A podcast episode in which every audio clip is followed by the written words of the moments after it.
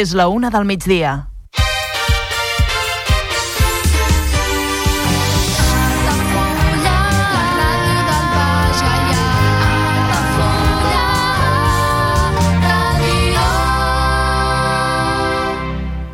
Altafulla Ràdio. Serveis informatius.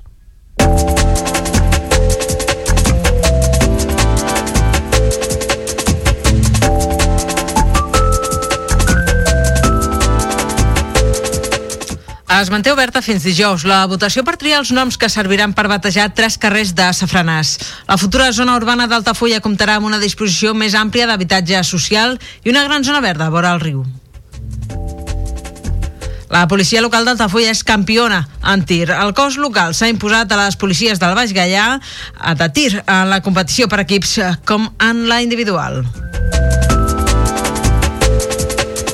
L'Ajuntament d'Altafulla convida la gent gran de la vila a un vermut per celebrar el canvi d'estació. L'acte es durà a terme dijous 21 de desembre als porxos de la plaça del Pou. El Cineclub Altafulla Link proposa una sessió doble per aquest divendres. A les 6 es podrà veure el film familiar Los tipos malos i a les 8 l'adaptació de l'obra de la cèlebre autora nord-americana Patricia Highsmith, Carol. El camí Calbofill Baixamar als Muntanyans torna a rebre el segell de Sender Blau a Torredembarra. Aquest segell té com a objectiu premiar i posar en valor la conservació d'entorns ja humanitzats i la interpretació del patrimoni natural i cultural. I a Roda de Barà recapten més de 3.100 euros per la marató que dona llum. Gràcies a la col·laboració de moltes associacions i entitats i a la implicació de la ciutadania s'ha aconseguit aquesta fita. En economia us expliquem que la Cambra de Comerç de Tarragona enviarà una missió comercial a Corea del Sud per exportar vi i oli d'oliva. La idea va sorgir arran d'una visita de representants asiàtics a la ciutat de Tarragona fa unes setmanes. I la patronal Foment del Treball manifesta el seu suport al, macro, al macrocomplex turístic de Harroc. Considera imprescindible aquest projecte juntament amb l'ampliació del Prat i també l'autovia B40, tots tres en el centre del debat dels pressupostos. I s'absolen les dues activistes encausades pels piquets contra la seu de Vox a Tarragona al 8M del 2021. Una quarantena de persones protesten per plantar cara a la ultradreta a la concentració de suport a les investigades. I en esports us destaquem que el Centre Esports Altafulla reacciona i s'imposa al Tarraco B per tancar l'any amb una victòria per 4 gols a 0. Les altafollenques se sobreposen a les baixes i sumen un triomf que les manté segones a un punt del líder.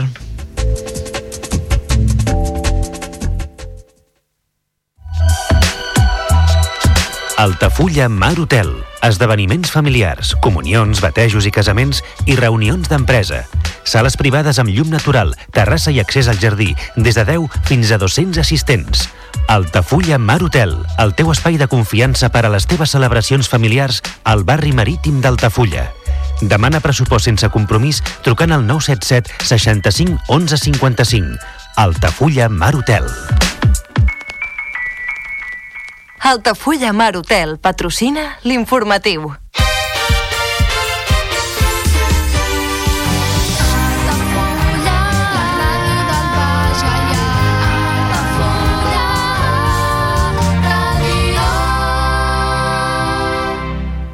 Altafulla Ràdio. Noticias.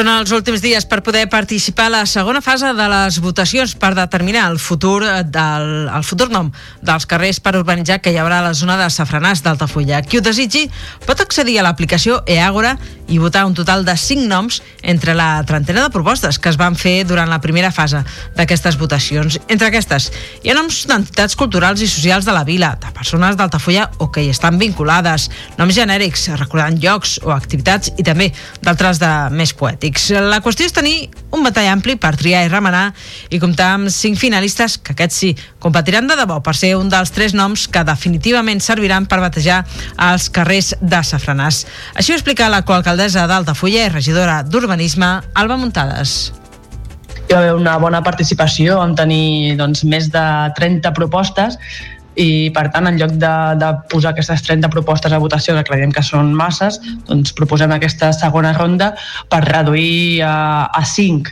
les possibilitats i llavors de les 5 més votades d'aquestes 30 passaran com si diguéssim a la última ronda en què s'haurà de decidir entre aquests 5 noms eh, més votats ara, els tres que seran els noms d'aquests carrers. Muntades ha recordat que les votacions que es duen a terme aquests dies formen part del procés participatiu engegat per l'Ajuntament per tal d'implicar la ciutadania a la creació d'aquesta nova àrea urbana que serà l'última de creixement del terme, a tocar del riu Gallà i al límit amb Tarragona. En definitiva, seran els veïns majoritàriament qui de fet passejaran per aquests nous carrers és aquest àmbit de Safranàs, que és la, la zona que tancarà el poble per la part de Tarragona i que aquesta zona de nou desenvolupament i que per tant doncs, tenim aquests tres carrers que no tenen nom i que per tal de poder-se desenvolupar aquest àmbit cal batejar-los i d'aquí aquesta proposta de participació ciutadana perquè la decisió no quedi només en el despatx a l'equip de govern sinó que tothom qui vulgui pugui participar. Cal tenir en compte que en aquesta extensió es va modificar el planejament urbanístic inicial per poder ampliar la dotació d'habitatge de protecció oficial i també per dibuixar una gran zona verda vora el riu, que ha de permetre ser un pulmó obert per la vila i un espai d'esbarjo pels veïns. Atribuir un nom als carrers que conformen l'entramat d'aquest nou espai urbà és un pas previ per poder començar a executar la urbanització de la zona, cosa que es començarà a fer en els espais de titularitat pública. Així que desitgi posar el seu granet de sorra en aquesta futura àrea té temps de fer-ho fins al 21 de desembre, fins aquest dijous, tot emetent el seu vot en aquest procés participatiu a través, com dèiem, de l'aplicació mòbil eAgora. És una eina que molts veïns ja tenen instal·lada als seus terminals o que poden fer-lo, poden fer-ho, poden instal·lar instal·lar-la eh, de manera fàcil, tot descarregant-la de la perceptiva botiga d'aplicacions, ja sigui sistema operatiu Android o iOS eh, d'Apple. Igualment també s'hi pot accedir a través del web. Un cop finalitzat aquest període de votació, les cinc propostes que obtinguin més suports passaran a la tercera i darrera fase, que es durà a terme ja al gener.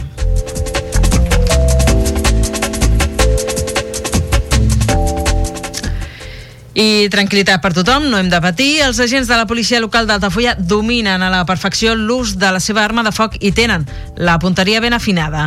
Això és el que es desprèn dels resultats del campionat de tir interpolicial del Baix Gallà celebrat a les instal·lacions de tir Jordi Tarragó, a Tarragona. Els agents van participar, van haver de realitzar un total de tres proves per demostrar les seves habilitats amb l'arma tot trobant-se en moviment en un simulacre d'actuació en què fins i tot es recreaven les condicions ambientals i la pressió dels crits habituals en segons quin tipus de situació de perill. Ho ha explicat en aquesta emissora el caporal de la policia local d'Altafulla, Cristóbal.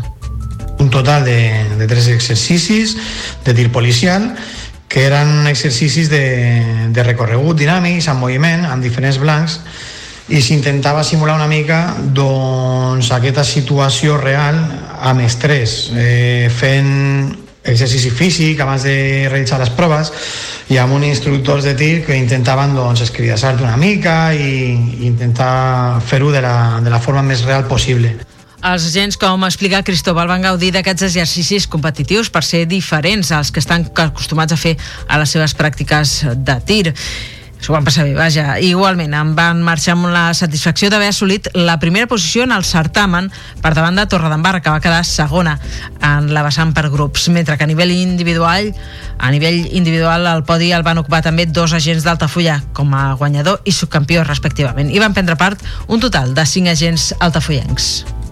En quant als resultats, va anar molt bé. Altafulla va quedar primera en la classificació per equips, seguida per Policia Local de Torredembarra, que va quedar en segona posició. I en la classificació individual també. Altafulla es van portar el, el primer i, segon, i segona posició. Per tant, podem dir que, que va anar molt bé, que estem molt contents. La gent s'ho va passar molt bé, és que es tractava d'exercicis diferents no? al que fem habitualment a les pràctiques de tir Cal tenir en compte que recentment la policia local de Torre d'Embarra ha estrenat a les seves dependències una nova sala de tir que permet als agents torrencs realitzar les seves pràctiques mentre que la policia local d'Altafulla es desplaça habitualment a un camp de tir de Tarragona per desenvolupar-hi els exercicis preceptius.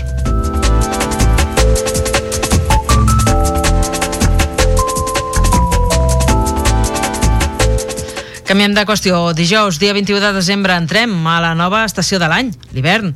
I com és habitual, des de la regidoria de gent gran han organitzat una trobada per encarar aquesta nova temporada de fred i també d'activitats. Per fer-ho, s'aprofitarà el bon temps que es preveu en aquests dies per celebrar un vermut a l'aire lliure, sota l'empara, això sí, dels porços de l'Ajuntament. Es tracta d'una iniciativa que pretén crear germanor entre els usuaris de les diverses propostes que ofereix el consistori de manera gratuïta en aquest col·lectiu i que serveix també com a tret de sortida al nou trimestre que començarà al gener, amb la continuïtat de la graella de propostes que es desenvolupen a la vila per la gent gran i que nodreixen tots els dies de la setmana, tant matins com tardes. Durant el vermut, més, com ha anunciat la tercera tinent d'alcaldia i regidora de Gent Gran i Acció Social, Eva Martínez, els assistents es podran fer una fotografia i rebre-la posteriorment en format paper per poder-se-la endur a casa. Les fotografies, per cert, aniran a càrrec de la fotògrafa Elisenda Fontarnau, que col·labora en aquesta iniciativa. I aleshores ara per Nadal com que fa més fresqueta per la tarda, hem dit, mira, no ho farem per la tarda, farem pel matí un vermut i els hi tenim preparada una sorpresa. Una sorpresa que diríem vermut fotogràfic, que vindrà doncs eh, la llegenda, una, una crac en el món de la fotografia i aleshores els farem un reportatge fotogràfic a, a, cada, a cada avi i àvia. Com és habitual en aquest tipus de trobades, el vermut es farà amb els diferents productes que portin els mateixos participants, usuaris i també voluntaris i monitors, ja sigui en forma d'aperitius diversos com de begudes. La cita, recordem, és aquest dijous a les 12 del migdia a la plaça del Pou.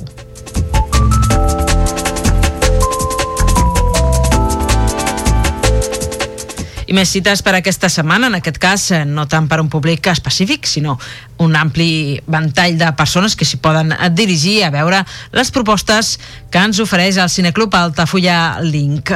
Així, oferirà la seva proposta mensual aquest divendres a la Vileta però serà en format doble i amb una clocada d'ull a l'època de Nadal i també a la germana familiar d'aquests dies. Així ens proposa aquest cop una sessió doble, com dèiem, que podran gaudir en primer terme les famílies i després un públic ja més gran, a partir de 12 anys. A les 6 de la tarda, a la Violeta, es projectarà el film d'animació Los tipos malos, un treball del francès Pierre Perifel que posa sobre la taula de la dicotomia entre ser bo o ser dolent, amb humor intel·ligent i ben trobat, com expliquen des del link també un cuidat punt macarra, amb discursos allunyats del moralisme. Així mateix ens expliquen des del link que aquest film fa gala d'un guió interessant i uns diàlegs plens d'intenció i subtilesa. I a més, compta amb l'al·licient de trobar entre els seus dobladors actors com Pedro Alonso, l'humorista Joaquín Reyes, també Santi Millán o la periodista Sara Carbonero. I per altra banda, el Nadal és present a la projecció, a la projecció que es farà a les 8 de la tarda, a partir de les 8, un cop finalitzi el film d'animació, a les 8 serà el torn de Carol, de Todd Hines. Una compra nadalenca desencadenarà en una història d'amor entre dues dones és una història ambientada a la Nova York dels anys 50. És l'adaptació de la novel·la homònima de la cèlebre autora nord-americana Patricia Highsmith. Estrenada el 2015, va rebre molt bones crítiques del sector i el Premi de Cans a la millor actriu per una de les protagonistes, per Rooney Mara, que es disputa la pantalla amb la veterana Kate Blanchett. Així mateix, va rebre també diverses nominacions als Premis Òscar. Carol és un film que aposta per una temàtica difícil de veure a la gran pantalla. És una història d'amor, d'intimitat, de traïció i de dilemes morals on dues dones de diferents edats i també de diferents estrats socials s'enamoren contra tot pronòstic, com dèiem, durant la dècada dels 50.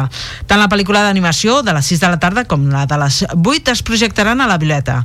Per poder-les veure cal abonar, com és habitual, l'entrada pertinent de 5 euros pel públic general o de 3 si és soci de l'entitat o bé de 2 euros si es compta a més a més amb abonament. Al mateix preu, aquest últim de 2 euros per menors de 25 anys.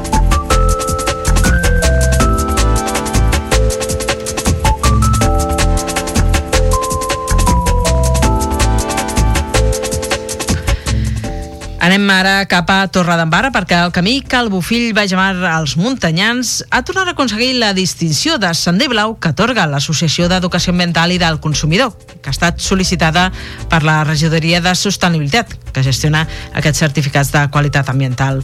El segell té com a objectiu premiar i posar en valor la conservació d'entorns ja humanitzats i la interpretació del patrimoni natural i cultural que utilitza els senders blaus com a recursos per conservar i educar ambientalment a través de la realització de diferents activitats recreatives turístiques i d'oci. En aquest sentit, la regidoria de sostenibilitat, des de la regidoria de sostenibilitat, la seva titular, Angie Muñoz, ha destacat que aquest estiu s'han dut a terme tot un seguit de visites guiades gratuïtes a l'entorn del Sender Blau amb l'objectiu precisament de promocionar-lo i que la, que la ciutadania el pugui gaudir. Pel 2024 han estat premiats un total de 128 senders blaus a tot l'estat, cinc dels quals es troben a Catalunya i un d'ells, com acabem d'explicar, és el de Torre d'Emparra.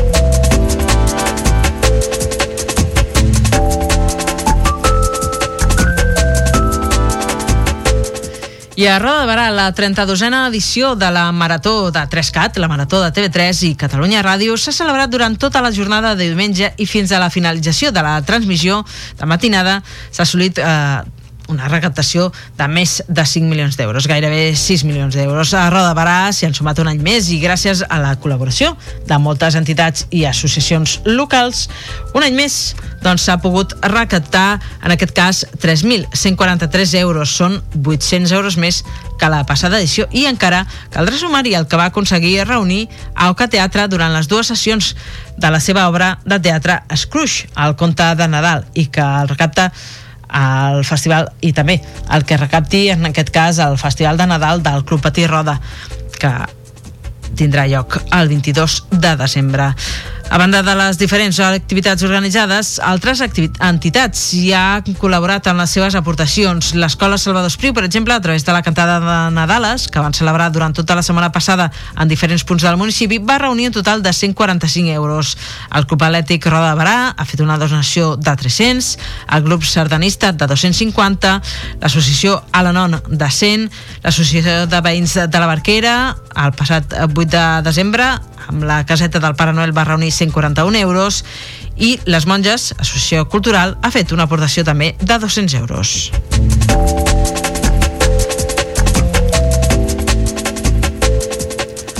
Moment ara de fer una petita pausa per la publicitat. Tornem de seguida més informacions eh, relatives a la resta del Camp de Tarragona. Fins ara.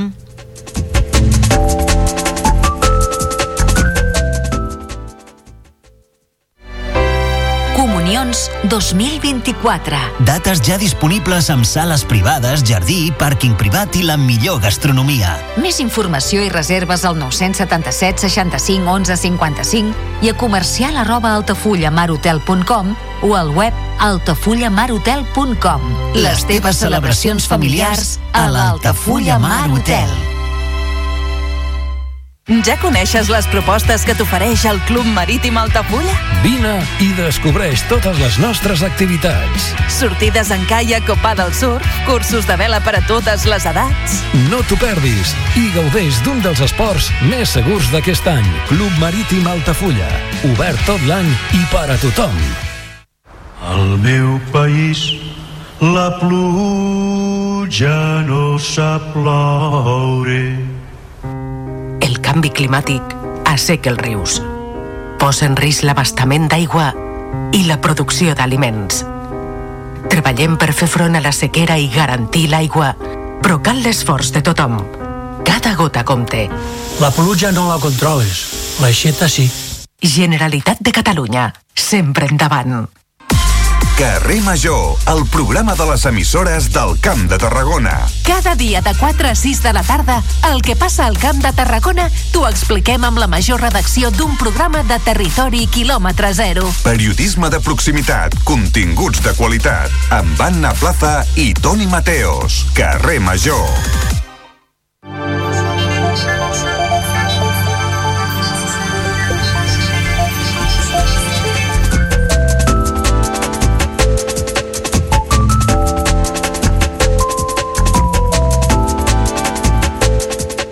Reprenem eh, l'informatiu d'aquest dimarts, eh, dia 19 de desembre del 2023, eh, amb una informació que ens arriba des de la Cambra de Comerç de Tarragona, que enviarà una missió comercial a Corea del Sud per exportar vi i oli d'oliva. L'ens territorial espera assolir el seu rècord d'accions internacionals durant aquest 2024, durant el pròxim 2024. La idea d'aquesta missió a Corea va sorgir arran d'una visita de representants asiàtics a la ciutat de Tarragona fa unes setmanes.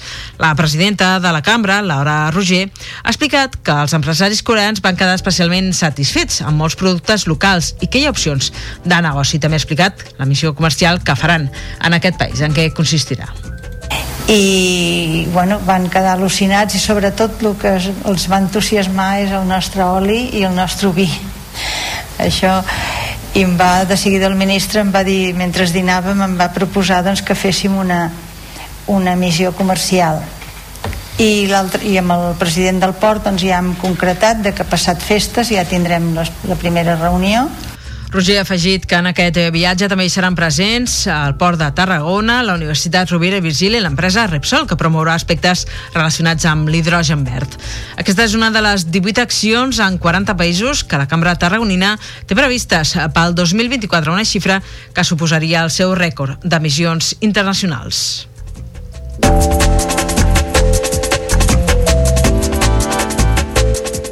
encara en l'àmbit econòmic, el president de la patronal Foment del Treball, Josep Sánchez Llibre, ha manifestat el seu suport explícit al macrocomplex turístic de Hard Rock, que està previst eh, construir entre Vilaseca i Salou. N'ha parlat eh, des de Tarragona aquest dilluns on ha donat suport a Javier Rigau, el nou president de la Confederació Empresarial de la província de Tarragona, la CEPTA.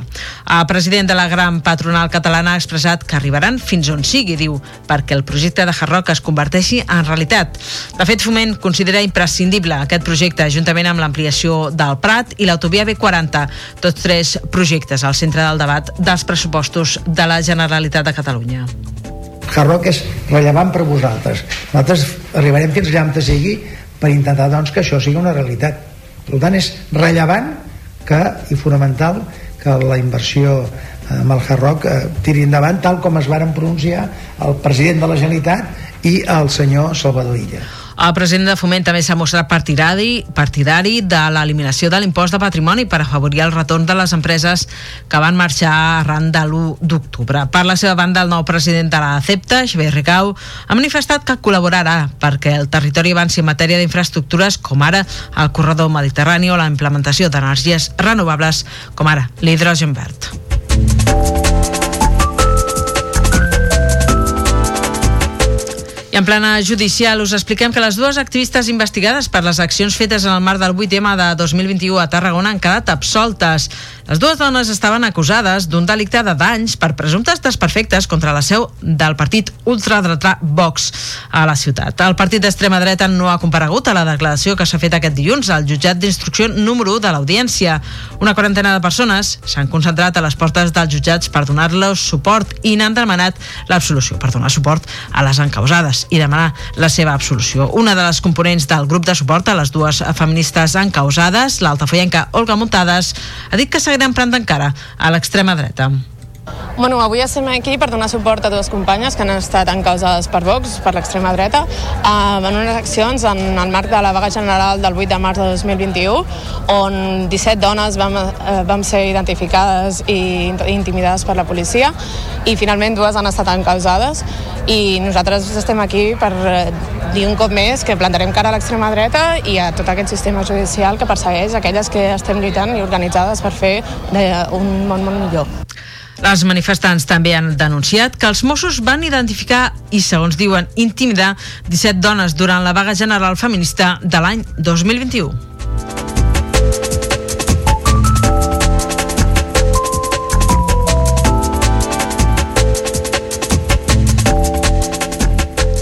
Obrim ara plana esportiva. Us expliquem que el Centre Esports Altafulla s'ha retrobat amb la victòria just per marxar amb bones sensacions a l'aturada per les festes de Nadal a la Lliga Femení 7 de Tarragona.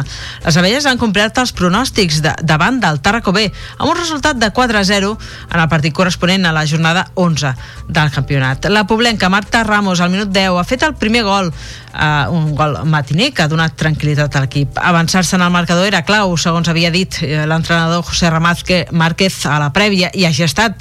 És cert, però, que el que ha fet uh, que el segon gol de Marina Rodríguez i el tercer de Beatriz Hurtado en pròpia porteria hagin arribat pràcticament seguits també hi ha contribuït. Ja en el segon temps, Rodríguez, al minut 53, assegura la victòria amb el seu segon gol de la tarda i al 28è del campionat, sent la segona màxima golejadora del grup. L'entrenadora Elsa Gutiérrez ha reconegut que al principi han començat una mica dormides, si bé han sabut reaccionar en un partit marcat per les nombroses baixes que tenia l'equip. El partit contra el Tarraco ha sigut un partit per poder donar minuts de joc a jugadores que no han tingut oportunitat de jugar el terreny de joc. Es mereixia molt jugar.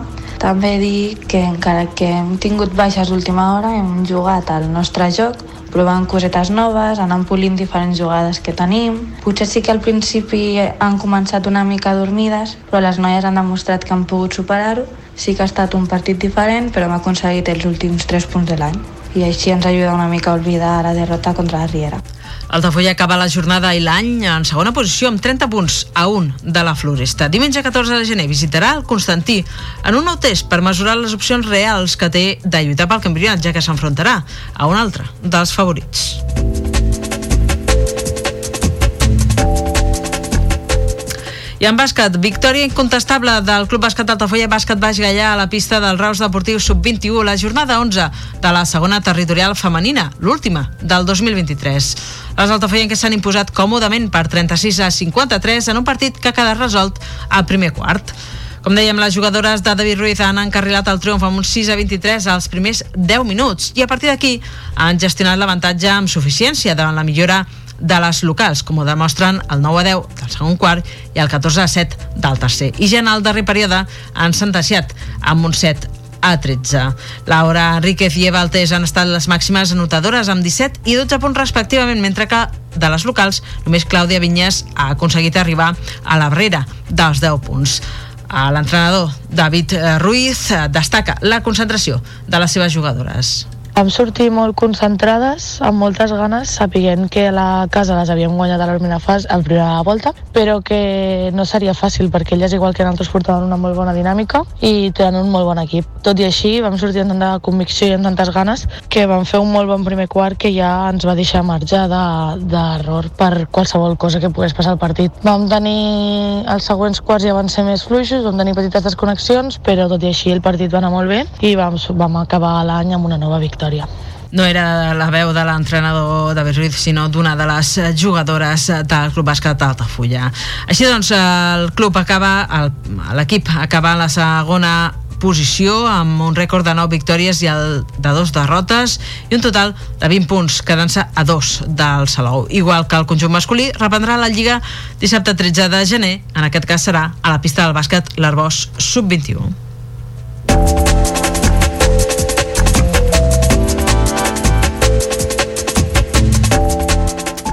I amb aquests apunts eh, sobre l'actualitat esportiva i tot emplaçant-vos a ampliar-la tot seguit al programa Baix Gall Esports del nostre company Marc Pérez. Nosaltres posem el punt final aquí a l'informatiu d'aquest dimarts, dia 19 de desembre del 2023, com sempre en directe al 107.4 de la FM, al canal de la TDT o a l'aplicació de telèfons mòbils Android. També a www.altafullaradio.cat. Al nostre web ens podeu seguir en directe o bé recuperar el podcast, la gravació d'aquest informatiu, així que ho desitgeu. Res més des d'aquí, des dels estudis del carrer Marquès de Tamanit d'Altafulla, tot l'equip que fem possible aquest programa us saluda ben cordialment, en especial una servidora que us està parlant en aquests moments, la Carol Quota, que us envia una forta abraçada. Ens retrobem a les pròximes edicions de l'informatiu d'aquesta casa. Que vagi molt bé el dia. A reveure.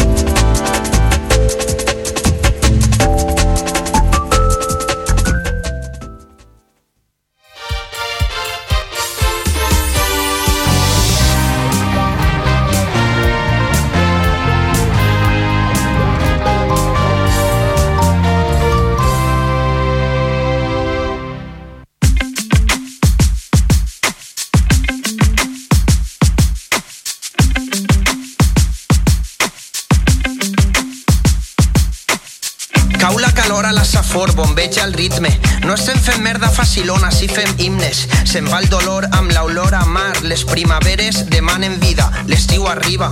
El sol ha eixit, la ràdio sona, estem vius. Estic fent temes i esperant per si somrius. Eren feliços amb mentires de mil colors. Tinc els conflictes d'un suïcida, tinc por. I vull tornar als meus impulsos, ser pràctic. Que si ella sona jo tremole, lo màxim. Venen trompetes, no és Gillespie, és Ainsley al sampler, en calma. Altafulla Ràdio. La xarxa. Comunions 2024. Dates ja disponibles